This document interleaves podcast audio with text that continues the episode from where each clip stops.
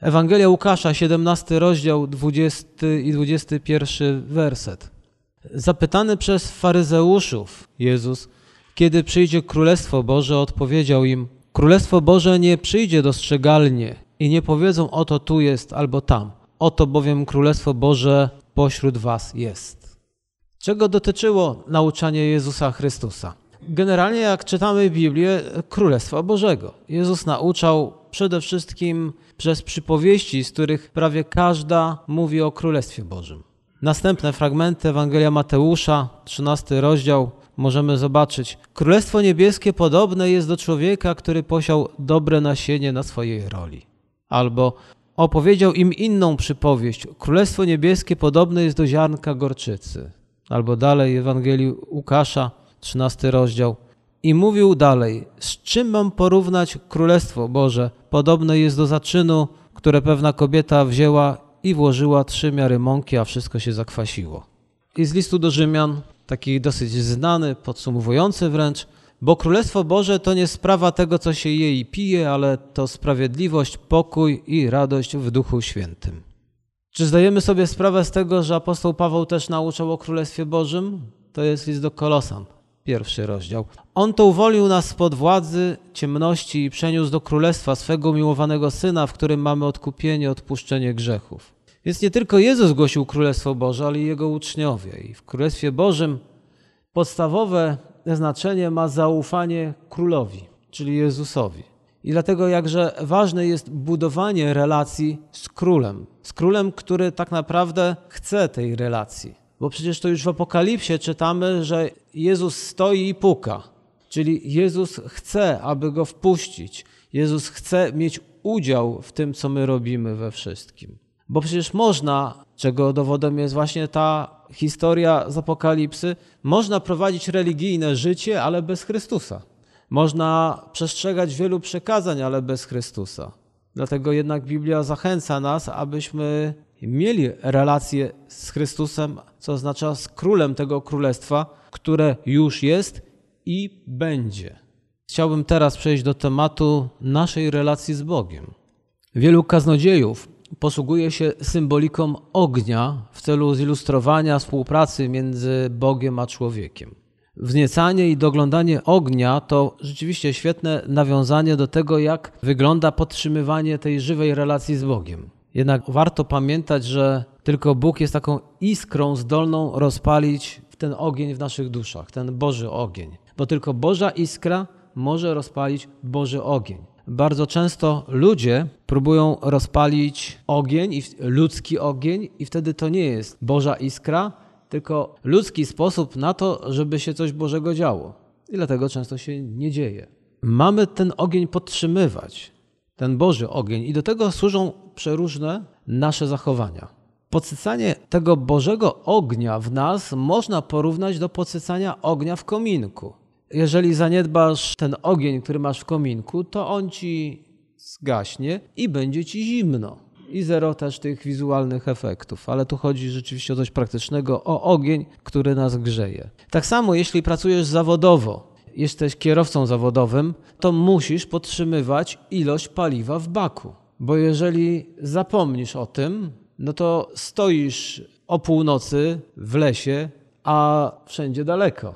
Praca nie idzie do przodu, jeżeli jesteś na przykład kierowcą tira. Albo jeżeli nie dopilnujesz tego paliwa w baku, a pracujesz gdzieś daleko, no to też do pracy nie dojeżdżasz. Tylko teraz się martwisz, jak tutaj dolać paliwo, a do pracy się spóźniasz. Więc nawet tutaj jest to dobra ilustracja. Trzeba pamiętać o tym, aby była właściwa ilość paliwa w baku. Każdy chrześcijanin traci, kiedy słabnie jego relacja z Bogiem. Nie robimy tego wszystkiego po to, żeby Bóg mnie kochał. Nie rozpalamy tego ognia, nie działamy, nie czynimy wielu rzeczy, dlatego żeby Bóg nas ukochał albo mi błogosławił, albo też, aby uniknąć kary, albo może też zrobić na ludziach wrażenie swoją pobożnością. To jest zła motywacja. My podtrzymujemy ogień w nas, Boży ogień, czyli dbamy o naszą relację z Bogiem, wykonujemy przeróżne czynności, aby w nas się to żarzyło i paliło, żebyśmy my byli nieletni, ale gorący dla Boga. Czynimy to, ponieważ każdego dnia potrzebujemy wzmocnienia. Tak samo jak wodowy kierowca nie leje paliwo do baku, aby mu lampka nie migała, bo to jest wkurzające, albo jeżeli ma powiadomienie dźwiękowe, żeby, bo go dźwięk drażni. On nie dlatego leje paliwo do baku w samochodzie. Bo mówi, znowu będę musiał znosić jakieś pikanie i miganie. Nie, on dobrze wie, że w pewnym momencie nie dojedzie do pracy albo nie wykona zlecenia. Więc czynimy to wszystko, o czym za chwilę może jeszcze parę słów powiem, bo potrzebujemy wzmocnienia. Chcąc prowadzić zwycięskie chrześcijańskie życie, a dodam, że również radosne, to potrzebujemy cotygodniowych nabożeństw, potrzebujemy wspólnoty, czyli ludzi wierzących, potrzebujemy czytania Biblii, potrzebujemy modlitwy i innych praktyk, bo inaczej stygniemy. Tak jak ognisko, żeby mogło dalej płonąć i następnie mogli przy nim się ogrzać albo coś upiec czy ugotować, potrzebuje dołożenia do tego ognia. Ogień jest cały czas ten sam, ale on powolutku już tak nie grzeje, on już tak naprawdę nie działa. Dlatego my też dokładamy, albo można byłoby powiedzieć takim żargonem, dorzucamy do pieca, żeby się paliło w nas, żebyśmy byli gorący dla Boga. Niedawno na Facebooku ktoś napisał wywód, z którego można byłoby wywnioskować, że liczy się wiara w Jezusa, a nie podtrzymywanie relacji z Nim. Próbował uzasadniać, że Biblia nie mówi nic o relacji, tylko o wierze w Jezusa. Znowu może być problem, bo ten człowiek może mieć rację, bo jeżeli ktoś wierzy w Jezusa, a on zakłada w tej definicji, że w tym jest również dobra relacja z Jezusem, to. Okay. Ale wielu ludzi wierzy w Jezusa, ale relacji nie ma. Tak jak są ludzie, którzy wierzą, że jest prezydent, ale z prezydentem relacji żadnych nie mają. Liczy się wiara w Jezusa, mówią, a nie podtrzymywanie relacji. A jak chcę powiedzieć, liczy się wiara w Jezusa i podtrzymywanie relacji z Nim. James Smith napisał, według niektórych szacunków tylko 10% chrześcijan codziennie pielęgnuje swoją relację z Bogiem.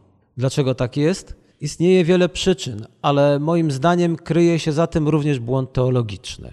Wielu ludziom wpojono, że ich relacja z Jezusem jest bez znaczenia. Rzadko naucza się takich rzeczy jak osobista modlitwa, samodzielne studiowanie Biblii, przebywanie w odosobnieniu, pobożna lektura czy służba innym. Dlatego są one postrzegane jako dodatkowe praktyki przeznaczone dla najgorliwszych i najambitniejszych chrześcijan. Nie wiem, do jakiej grupy wy należycie, czy do tych najgorliwszych, czy do tych najambitniejszych, czy może do tych. W niektórych kręgach chrześcijańskich dominuje przekonanie, że żyć po chrześcijańsku, i posłuchajcie, to znaczy przestrzegać wszystkich słusznych zasad. Czy słyszeliście o tym? Żyć po chrześcijańsku to znaczy, że trzeba przestrzegać jakichś tam reguł i zasad. I teraz, to jest ważne, co mówię, potem dziwią się, że chrześcijaństwo jest takie suche, nudne, martwe. Przestrzeganie zasad dla samych zasad nie daje życia. Brakuje tutaj najistotniejszego elementu relacji. Nawiązanie jej z Jezusem przez jego uczniów jest sprawą najważniejszą. Nie przestrzeganie zasad jest najważniejsze, ale nawiązanie relacji z Jezusem. Taka relacja sprawia, że w naturalny sposób zaczynamy angażować się w określone czynności, które tą relację ożywiają. To właśnie relacja jest na pierwszym miejscu, a nie praktyki same w sobie. Więc wykonywanie ćwiczeń, takich nazwijmy je ćwiczeń duchowych, to jest mądra praktyka, bo ona rozwija i wzbogaca nasze życie duchowe z Bogiem. Ale nie można też traktować tych rzeczy jak jakichś trofeów, nie wiem, odznaczeń harcerskich, medali. Dlaczego? Bo tajemnica udanego życia chrześcijańskiego polega na trwaniu w Jezusie, a nie zaliczaniu uczynków. Dziesięć przykazań. O, jestem niezły. Tu, tu, tak, odznaczone od. Tu nie chodzi o przestrzeganie dziesięciu przykazań, tu chodzi o to, abyśmy przede wszystkim mieli relację z tym, który je dał. Aby opisać, jak powinni żyć uczniowie Jezusa, no to Chrystus posłużył się do porównania do winorośli. I mamy ten fragment w Biblii, który teraz przeczytamy. Jest to Ewangelia Jana, 15 rozdział. Ja jestem krzewem winnym, wy latoroślami. Kto trwa we mnie, a ja w nim, ten przynosi owoc obfity, ponieważ beze mnie nic nie możecie uczynić. Ten, kto nie trwa we mnie, zostanie wyrzucony jak winna latorośl i uschnie. Potem ją zbierają i wrzucają w ogień i płonie. Jeżeli we mnie trwać będziecie, a słowa moje w was, to proście o cokolwiek chcecie, a to wam się spełni. Ojciec mój przez to dozna chwały, że owoc obfity przyniesiecie i staniecie się moimi uczniami. Ewangelia Jana, 15 rozdział, od 5 do 8 wersetu. Obraz krzewu widnego i latorośli uczy nas, że życie właśnie w łączności z Jezusem, w relacji z Jezusem jest niezbędne. Można powiedzieć, że jeżeli ktoś rozumie wiarę w Jezusa z codziennym mu posłuszeństwem i pogłębianiu z nim relacji, to jest właśnie to, o czym mówię.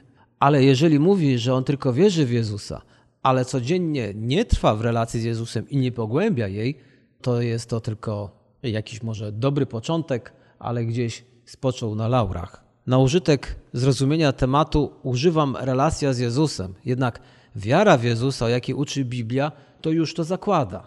No ale jak powiedziałem na początku, jakiś procent chrześcijan zapomniał, że wiara biblijna w Jezusa to jest pogłębianie relacji z Jezusem, to jest trwanie w tej relacji z Jezusem. A relacja to inaczej więź, społeczność.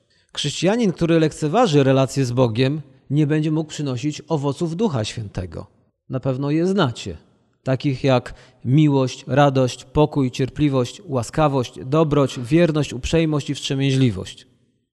Jeżdżąc na pewne konferencje, bardzo często przyjeżdżałem przez drogi, gdzie po lewej i po prawej jest dużo sadów.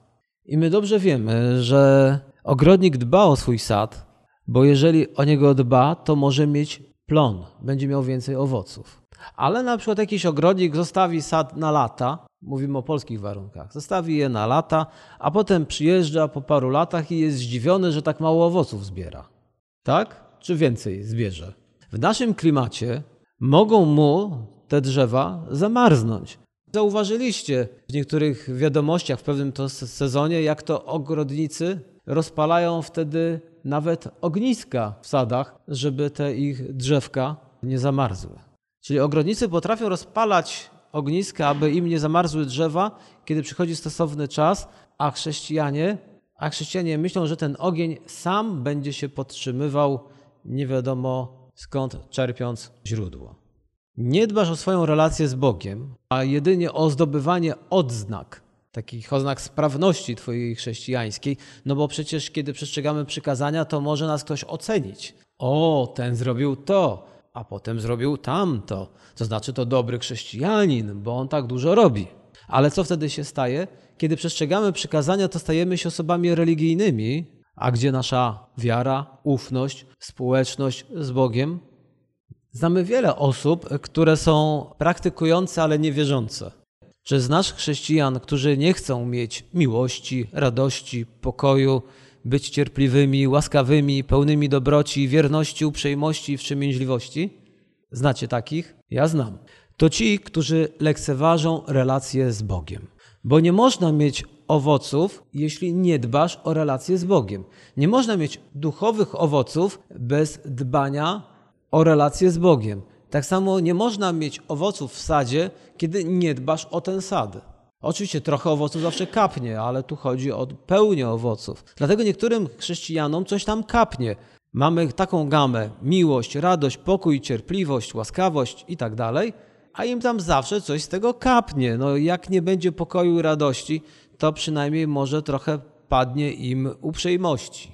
A jak nie, to zawsze może troszeczkę wstrzemięźliwości albo może radości.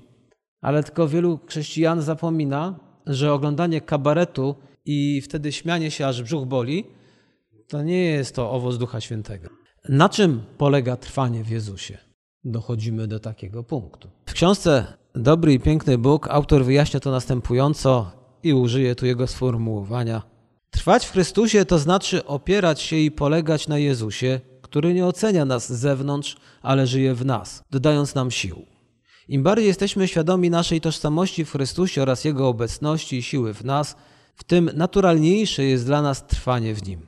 Trwanie w Chrystusie polega więc na poświęceniu Mu czasu, skupieniu się na tej relacji, skupieniu się na Bogu, czyli skoncentrowaniu się na Nim. W Psalmie 16, ósmy werset, możemy coś o tym przeczytać, takich miejsc jest dużo. Stawiam sobie zawsze Pana przed oczy. Nie zachwieję się, bo On jest po mojej prawicy. Psalmista mówi, że stawia sobie zawsze Boga przed oczami. O co tutaj chodzi? No właśnie o to, na czym się koncentrujesz. Co przed Twoimi oczami jest najważniejsze? Z czego swojego wzroku nie spuszczasz? Inaczej on mówi, nie spuszczam wzroku z mego Pana.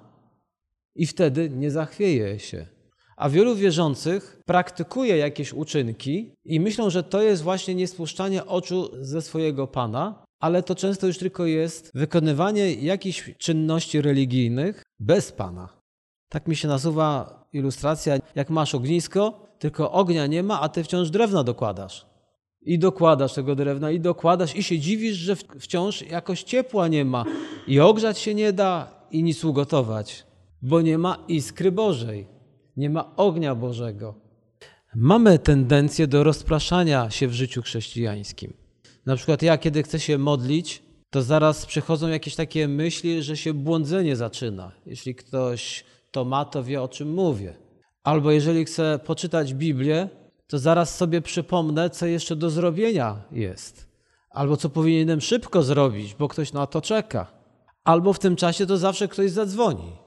Jest tak dużo rzeczy, które próbują nas odciągnąć. Dlaczego? Bo świat walczy o naszą uwagę. On walczy o Twoją uwagę. I świat walczy o tą Twoją uwagę, ale robi to brutalnie, bez pardonu. On się wdziera. Diabeł nie będzie tutaj delikatny, wrażliwy i dżentelmenem.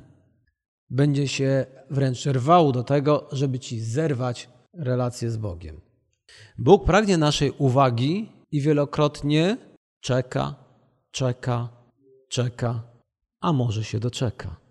Powinniśmy się skupić na relacji, nie zaś na przestrzeganiu reguł, inaczej jako chrześcijanie znajdziemy się w opałach. Nasze postępowanie powinno wypływać z relacji z Bogiem. Pamiętajmy, mieszka w nas Chrystus. I przestrzeganie, wykonywanie wielu dobrych praktyk pomaga nam w utrzymaniu tej relacji. Na przykład, jeśli rozmawiasz z dziećmi, to tą relację możesz podtrzymywać. A co, jeżeli z dziećmi w ogóle nie rozmawiasz? Jak ci się dziecko urodziło, to porozmawiałeś dopiero jak miało 18. I rodzice są zdziwieni, że kontakt stracili z dzieckiem. Nasze dusze łakną relacji z Bogiem i którą pielęgnujemy przez dyscyplinę. Czyli pewne praktyki, które wykonujemy regularnie. Na przykład modlitwa, czytanie Biblii, udział w nabożeństwach, czytanie dobrych książek, czy też tutaj dodam, słuchanie Radia Chrześcijanin. Kilka fragmentów skazania na górze zachęca nas do właściwego, czyli błogosławionego życia. Ewangelia Mateusza, siódmy rozdział od 13 do 14 wersetu. Przeczytamy coś, co już wielokrotnie wielu chrześcijan słyszało, a nawet są tacy, którzy nawrócili się dzięki temu, że ktoś im ten fragment wyjaśnił. Wchodzicie przez ciasną bramę, bo szeroka jest brama i przestronna ta droga, która prowadzi do zguby. A wielu jest takich, którzy przez nią wchodzą. Jakże ciasna jest brama i wąska droga, która prowadzi do życia, a mało jest takich, którzy ją znajdują. Znany fragment, używany często, by pokazać niewierzącym sytuację, w jakiej się znajdują. Mamy dwie bramy, ciasna i szeroka, które prowadzą do dwóch dróg. Za szeroką bramą znajduje się wygodna droga, za ciasną wąska. Wybór pierwszej prowadzi do zguby, podążanie drugą do życia wiecznego. Wiele mówi się o tym, jaką cenę trzeba zapłacić za naśladowanie Jezusa i jak trudno być Jego uczniem. I to prawda. Trzeba zapłacić często dużą cenę, a dzisiaj na świecie ludzie cenę, jaką płacą za naśladowanie Jezusa, to płacą wykluczenie z rodziny, utratę pracy, wyrzucenie z domu, a nawet śmierć. Ale po takiej refleksji doszedłem do wniosku, że znacznie trudniej jest żyć bez Boga. Dallas Willard zwraca uwagę na to, ile kosztuje nienaśladowanie Jezusa. I chciałbym Wam zacytować, co on napisał.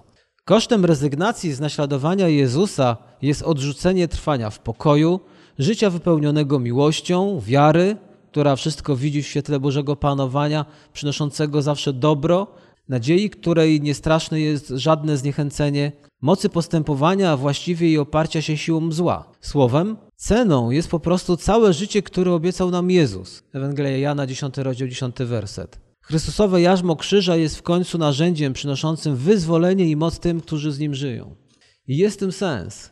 Kiedy człowiek podda się tej refleksji, a ja się poddałem i zastanowiłem się, ile może mnie kosztować niepodążanie za Jezusem, ile stracę, kiedy zignoruję naśladowanie Jezusa i życie z Jezusem, to jednak więcej tracę Bo to, że człowiek będzie cierpiał jako chrześcijanin, tak. Chciałbym tutaj powiedzieć, że jest pewna Ewangelia i ona faktycznie chyba bardzo lubi Stany Zjednoczone i pewne środowiska, która mówi o wielkim powodzeniu w każdej materii. Ale jakże trudno to chrześcijanom jest zrozumieć, którzy muszą żyć w krajach, gdzie zabiera im się domy, gdzie zabiera im się pracę, gdzie zabiera im się życie, kiedy słyszą, że bycie chrześcijaninem to sukces również w wymiarze tego świata.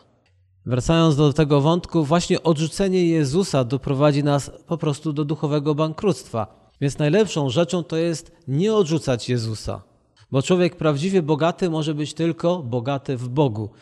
I chciałbym teraz z Ewangelii Mateusza z 7 rozdziału przeczytać od 15 do 20 wersetu, abyśmy uważali na pozory. Strzeżcie się fałszywych proroków, którzy przychodzą do was w owczej skórze, a wewnątrz są drapieżnymi wilkami. Poznacie ich po owocach. Czy zbiera się winogrona z ciernia albo z ostu figi? Tak każde dobre drzewo wydaje dobre owoce, a złe drzewo wydaje złe owoce. Nie może dobre drzewo wydać złych owoców, ani złe drzewo wydać dobrych owoców. Każde drzewo, które nie wydaje dobrego owocu, zostaje wycięte i wrzucone w ogień. A więc poznacie ich po owocach.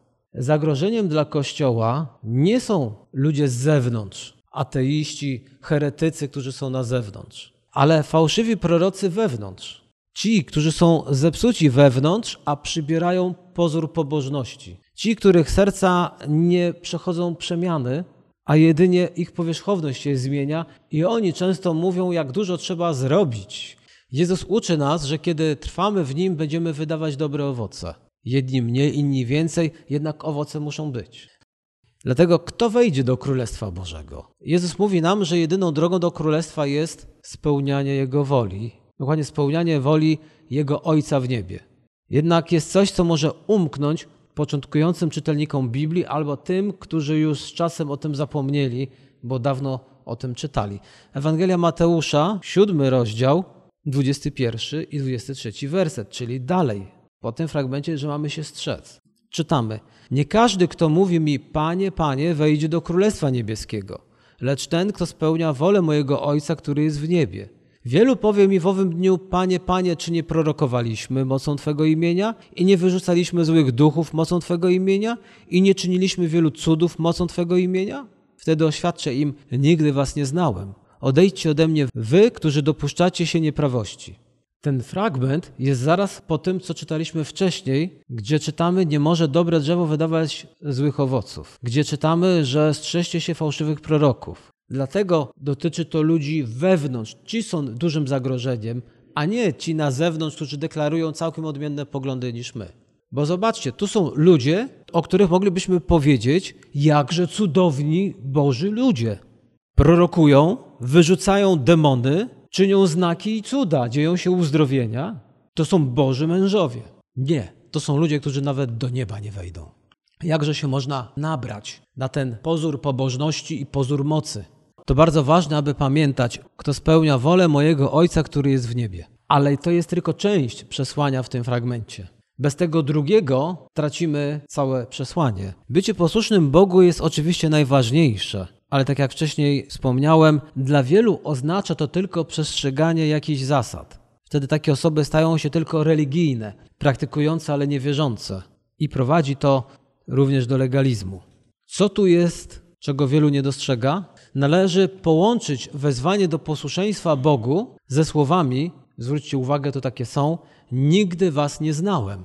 Te słowa mówią o relacji. Jezus wskazuje, że kluczowe znaczenie ma nawiązanie i utrzymywanie z nim relacji, a nie tylko spełnianie dobrych uczynków. Nie chodzi o to, żebyś prorokował tylko. Nie chodzi o to, żebyś czynił cuda. Nie chodzi o to, żebyś wypędzał demony. Chodzi o to, żeby Jezus ciebie znał. Czy on wciąż z tobą się spotyka? Czy ty znasz Jezusa i Jezus zna ciebie? Widać, że można przestrzegać Bożych przykazań, a nie mieć relacji z Bogiem. Podobnie można słuchać, czyli wykonywać wszystkie polecenia rodziców. Można? Można. I wtedy wielu powie: Jakie ty masz cudowne dzieci. One słuchają wszystkich twoich poleceń. Tak cudownie jest patrzeć na takie dzieci. Ale to wcale nie oznacza, że rodzice mają jakąś relację z tymi dziećmi. Po prostu dzieci są posłuszne i wykonują wszystko, bo dobrze wiedzą, że jak nie będą wykonywać wszystkiego, to nie będzie internetu, to nie będzie kieszonkowego, nic nie będzie, więc trzeba wykonywać, bo to mi się opłaca, mam w tym interes. O jakie relacje tu chodzi? Zwróć uwagę na podane przez Jezusa przykłady. Prorokowanie, wyrzucanie złych duchów oraz czynienie cudów. Nie mówi tu tylko o chodzeniu do kościoła lub czytaniu Biblii. Czyny, które wymienia Jezus, pozwoliłyby założyć, że osoba, która ich dokonuje, jest takim prawdziwym chrześcijaninem. No bo jeżeli ktoś chodzi do kościoła i my mówimy, on tylko czyta Biblię i się modli. Co to za chrześcijanin? No sami tacy. Ale ten to wypędza demony, prorokuje.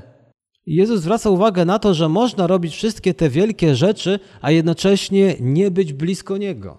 Zdaniem Jezusa liczy się wyłącznie relacja między Nim a człowiekiem. Ta relacja prowadzi nas do czynów wynikających z tej relacji. Bo jeśli miłujesz Boga, to będziesz chciał, chciała być Mu posłusznym, posłuszna. Ty wiesz, że Bóg pragnie Twojego dobra i to, czego od Ciebie wymaga, jest dobre. I wtedy robisz to ochoczo. Wtedy nie jest to martwa religia, nie robisz tego z przymusu, tylko jest radość, jest entuzjazm. Wielu chrześcijan nie doświadcza radości, entuzjazmu i mówi, że chrześcijaństwo jest nudne i takie martwe, dlatego że to oni doświadczają właśnie tej martwoty. Albo i widzą innych, którzy doświadczają tej martwoty, ale ona często wynika z tego, że gubimy relacje. I kiedy widzimy, co Bóg od nas oczekuje i możemy to robić, to naprawdę napawa entuzjazmem. Nie wiem czy wszystkich, ale to jest entuzjastyczne, że mogę zrobić coś dla Boga i nie ma znaczenia co. Jeżeli Bóg mówi, że ja to mogę zrobić, to jest to cudowne. I cokolwiek by to nie było, bo to nie ma znaczenia. Znaczenie ma to, że Bóg chce, żebym to robił. Ale wielu chrześcijan, którzy zostali nauczeni i mają wielkie oczekiwania, a w tym też nie mają pokory, chcą wielkich rzeczy. Ale wiecie, że wykonywanie wielkich rzeczy, jak tutaj, wcale nie pomogły tym ludziom przedostać się do nieba. Osoby, które rozumieją to, co mówię, cieszą się życiem z Bogiem i nie czują się udręczeni przestrzeganiem Bożych przykazań, tylko radośnie i ochoczo robią wszystko, co Bóg od nich oczekuje. Biblia mówi: szukajmy tego, co w górze. Jedynym sposobem pielęgnowania relacji z Jezusem jest szukanie Królestwa Bożego. Budujemy relacje w oparciu o codzienną bliskość z naszym Panem i Jego Słowem. Więc co robisz, aby podtrzymać płomień wiary? Aby budować życie na skalę, którą jest Jezus, to musimy przejąć też kontrolę nad swoim czasem. I to na koniec chciałbym powiedzieć. Musimy przejąć kontrolę nad swoim czasem i nie pozwolić na to, aby to czas kontrolował nas. Najczęstsza wymówka w życiu chrześcijan to jest ta: nie mam czasu. No jeżeli nie masz czasu, to nie masz czasu sięgnąć po Boże błogosławieństwa. A potem się dziwimy, że my tych błogosławieństw nie mamy. I błogosławieństwa to nie mam na myśli jakichś materialnych i fizycznych, ale to, co Biblia mówi o owocach Ducha Świętego radość, pokój, uprzejmość. Nie masz czasu na relację z Bogiem, to nie będzie i tego. Jakże ważne jest ogarnąć czas. Bo nikt, kto się kieruje Bożym Słowem i pielęgnując relację z Bogiem, tak naprawdę nie będzie rozczarowany. Aby prowadzić błogosławione życie, to musimy być posłuszni Jezusowi i tą relację budować. Chciałbym pewną historię Wam opowiedzieć. Pewnego mrocznego wieczoru podczas sztormu okręt, którym dowodził pewien dumny kapitan, zaczął kierować się wprost na płynący z naprzeciwka statek. Jego załoga wysłała sygnał: zawróć. Ale zarozumiały kapitan odmówił. Wysłał statkowi sygnał, żeby zszedł mu z drogi. W końcu był sławnym kapitanem dowodzącym bardzo ważnym okrętem. Druga załoga ponownie wysłała sygnał: zawróć natychmiast. I znowu kapitan odpowiedział komunikatem: Nie, to ty musisz zawrócić. To parowiec Poseidon, a ja jestem kapitan Franklin Moran. W końcu drugi, tak zwany statek, on tak to postrzegał, wysłał sygnał: Zawróć natychmiast. To jest latarnia morska, a ty niebawem rozbijesz się o skały. To oczywiste, że możemy żyć po swojemu. Tak samo ten kapitan nie musiał słuchać polecenia latarni morskiej. Mógł postawić na swoim. Rzeczywistość jest taka, że też możemy nie słuchać Jezusa i rozbić się w naszym życiu. Nauczanie Jezusa pokazuje nam, jak wygląda rzeczywistość i nie ostrzega nas przed uleganiem rządzy z jakichś dziwnych powodów, na przykład, aby nam utrudnić życie, ale on wie, że nieposkramiona rządza niszczy ludzkie życie. Albo Jezus mówi nam, żebyśmy się nie martwili dlatego, że może dba o nasze żołądki, no bo wtedy wrzody będą. Nie, tu chodzi o znacznie więcej. Chodzi o to, że ludzie, którzy żyją w Królestwie Bożym i się zamartwiają, to nie idą do przodu. Dlatego, że historia, jak to ktoś powiedział, ma nas uczyć, a nie historią mamy żyć, czyli przeszłością. Mamy iść do przodu. James Smith napisał: Żądza i zamartwianie się, osądzanie i gniew, mściwość i duma nie są dobre ani piękne i nigdy nie dają wolności, wręcz przeciwnie, oddalają nas od niej. A znany nam jeszcze bardziej autor C.S. Lewis napisał: Bóg nie może dać nam pokoju ani szczęścia poza sobą samym, bo ani pokoju, ani szczęścia poza nim nie ma. To niemożliwość. Prawdziwa radość, pokój, miłość i tak dalej po prostu nie istnieje inaczej niż przez życie z Bogiem i dla Boga. Więc jeżeli chcemy doświadczać w życiu pokoju, radości, miłości, wstrzemięźliwości i tak dalej, pozostaje nam nic innego, jak nawiązać relację z Bogiem, pogłębiać ją, podtrzymywać, dlatego że więcej stracimy, nie pilnując naszej relacji z Bogiem, niż zyskamy. Zyskasz trochę więcej czasu, a ile możesz stracić. Dlaczego tak ludziom dzisiaj się wydaje, że kiedy się nawrócą, to skończy się życie wypełnione przyjemnościami, śmiechem i zabawą? Czyli też rozrywka, oglądanie filmów, pyszne jedzenie, surfowanie po internecie. Życie naśladowcy Jezusa nie jest tak smutne, jak się wielu ludziom wydaje. Wręcz jest cudowne i błogosławione, bo życie naśladowcy Jezusa to jest przejawianie takich owoców jak miłość, radość, pokój, uprzejmość i co tam jeszcze było. Więc diabeł chce, aby ludzie bali się wysokich kosztów naśladowania Jezusa. Przekonuje ich, że wiele stracą, jednak w rzeczywistości koszt porzucenia Jezusa, porzucenia relacji z Nim, porzucenia naśladowania Jezusa jest dużo wyższy, bo strata porzucenia pobożnego chrześcijańskiego życia jest ogromna. Dlatego nie straćmy tego. Idźmy za Jezusem. Kosztem rezygnacji naśladowania Jezusa co będzie? odrzucenie tego wszystkiego, odrzucenie pokoju, życia wypełnionego miłością, życia wiary i wiele, wiele innych rzeczy.